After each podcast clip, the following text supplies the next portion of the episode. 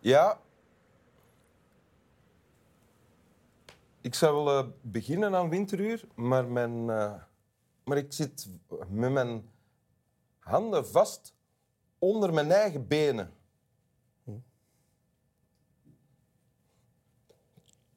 Toeme, toeme, toeme, toeme. Dat moet mij weer overkomen. Kan ik u helpen? Ja, je kunt mij een goede raad geven. Ehm eventjes terecht staan. Soms is het simpel in het leven. Hè? Welkom in winteruur, Bruno de Wever. Dank je wel. Eh, historicus, professor, eh, schrijver en publicist. En voor- eh, gever van heel veel voordrachten over het hele, voornamelijk Vlaamse land, denk ik. Klopt, hè? Klopt. Ehm, en broer natuurlijk van Bart de Wever, Schijnt zo, ja. oudere broer, Elf jaar ouder. elf jaar ouder. Ja. Ja. Luistert hij naar jou? Naar mij luistert, dat denk ik niet. Misschien kijkt hij, maar dat denk ik ook niet. Nee. Oké. eh, en u hebt een tekst meegebracht uit dit boekje. Wil u de tekst voorlezen? Zeker. Het is eh, de achterflap eigenlijk van een boek van Erik Vlaming en Jos Gijzels. Uit woede en onbegrip pamflet over de schande van armoede. Uit woede en onbegrip. Uit woede. Omdat het mogelijk is dat in een welvarend land kinderen met honger in schoolbanken rekensommen maken en K3-liedjes zingen. Omdat het mogelijk is dat in een welvarend land ouderen van de barre kou hun bed niet durven te verlaten omdat het mogelijk is in een welvarend land dat een moeder haar pijn niet met een dokter durft te delen, daar de medicatiekost haar schuldenberg alleen maar uitzichtlozer maakt. Uit onbegrip voor verkozenen des volks, die niet de minste voeling hebben met een groeiende groep medemensen die zich permanent zorgen moet maken om basisvoorzieningen zoals voedsel, kledij, verwarming of onderdak. Voor holle slogans als jobs, jobs, jobs, die als een axioma en als mantra worden gebruikt om al wat stinkt, vervuilt, verslaafd, uitbuit en ontmenselijkt goed te praten. Ja. Ik had eigenlijk verwacht dat u als eh, historicus gespecialiseerd in de 20e eeuw en vooral van, van ons land iets daaruit zou meebrengen. Een tekst van misschien 80 jaar geleden of zo. Ehm, maar dit is recent, denk ik. Hè? Dit is een, een boekje dat eh, pas verschenen is. Ja, klopt. Ja, ik ehm, heb er eventjes over getwijfeld. Eh, ik, ik werk over eh, heel ehm, dramatische perioden uit de geschiedenis, onder meer de Tweede Wereldoorlog. Gepubliceerd, ik geef ook voordrachten over de Jodenuitroeiing. Om dat maar te noemen als een van de wellicht zwartste bladzijden van de geschiedenis van de mensheid. Het zou echt niet moeilijk geweest zijn om daar eh, heel beklijvende teksten uit mee te brengen. Ehm, Maar maar ik dacht, eh, laat ik nu maar eens uit die comfortzone treden. Dat klinkt misschien wel vreemd, hè, maar dat is ook een, toch een comfortzone. Als je werkt over 80 jaar geleden. Ehm, eh, ja, je werkt natuurlijk in, in, een, in een vredevolle samenleving vandaag, gelukkig voor ons allemaal. Eh, ik werk in mijn mooi afgesloten, behagelijk warme studeerkamer waar ik verschrikkelijke teksten eh, bestudeer. eh, maar dat blijft natuurlijk die behagelijk warme eh, studeerkamer. Ehm, professoren zijn echt niet de grootverdieners in dit land. Eh daar bestaan nogal wat misvattingen over. Maar bon, ik verdien goed mijn kosten. Iemand zoals ik, met mijn anciëniteit, ik word 60 jaar binnenkort, verdient meer dan 4000 euro netto in de maand. Mijn vrouw werkt. Eh, dus wij, wij behoren waarschijnlijk tot de 10%, 15% best verdienende in, eh, in Vlaanderen. Ehm, en dan lees je zo'n pamflet Ja. over armoede vandaag. En dan denk ik, ik moet dat doen. Ik moet dat doen.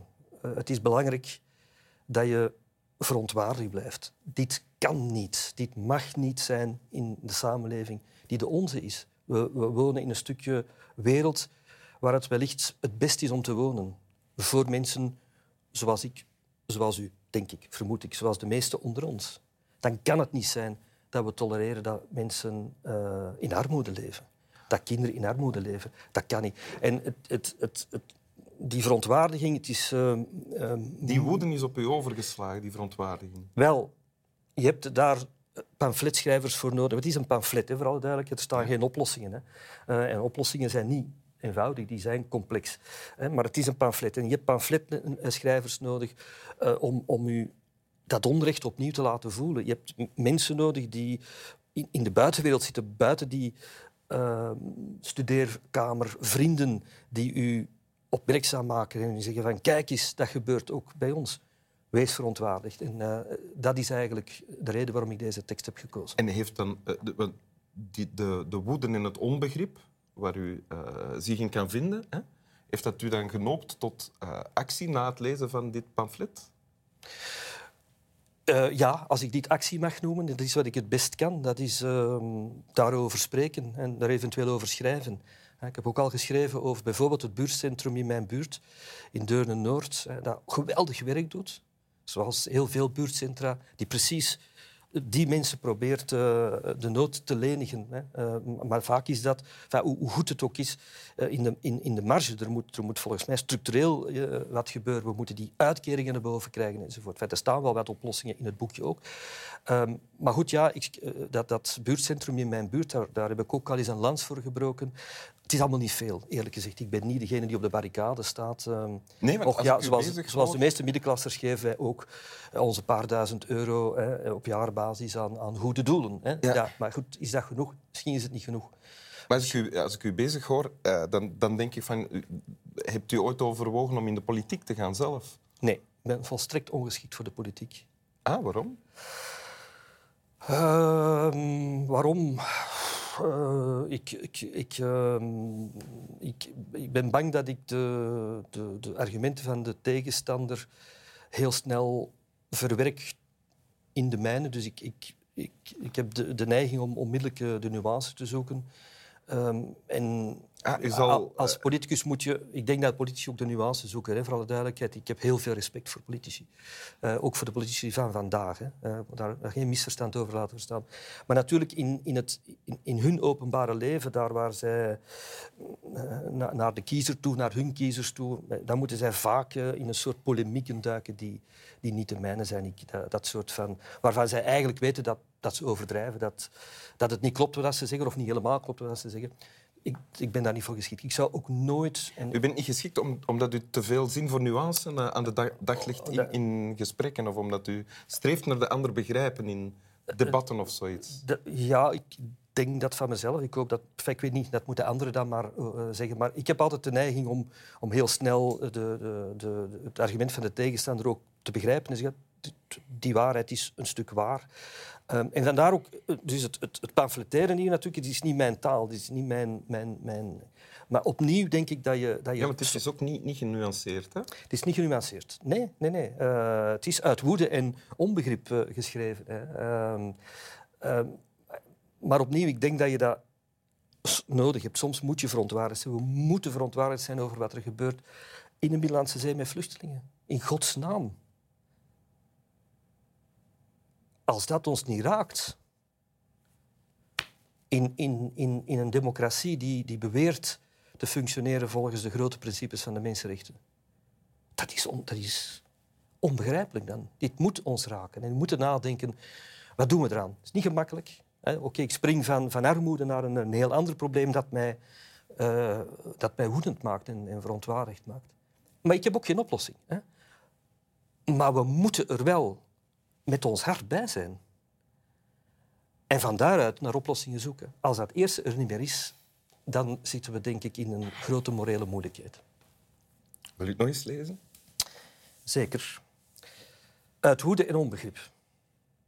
Uit woede, omdat het mogelijk is dat in een welvarend land kinderen met honger in schoolbanken rekensommen maken en K3-liedjes zingen.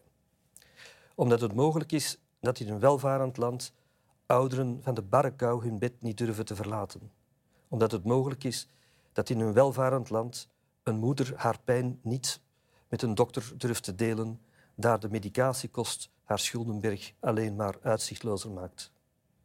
Uit onbegrip voor verkozenen des volks, die niet de minste voeling hebben met een groeiende groep medemensen die zich permanent zorgen moet maken om basisvoorzieningen zoals voedsel, kledij, verwarming of onderdak voor holle slogans als jobs, jobs, jobs, die als axioma en als mantra worden gebruikt om al wat stinkt, vervuilt, verslaafd, uitbuit en ontmenselijkt goed te praten.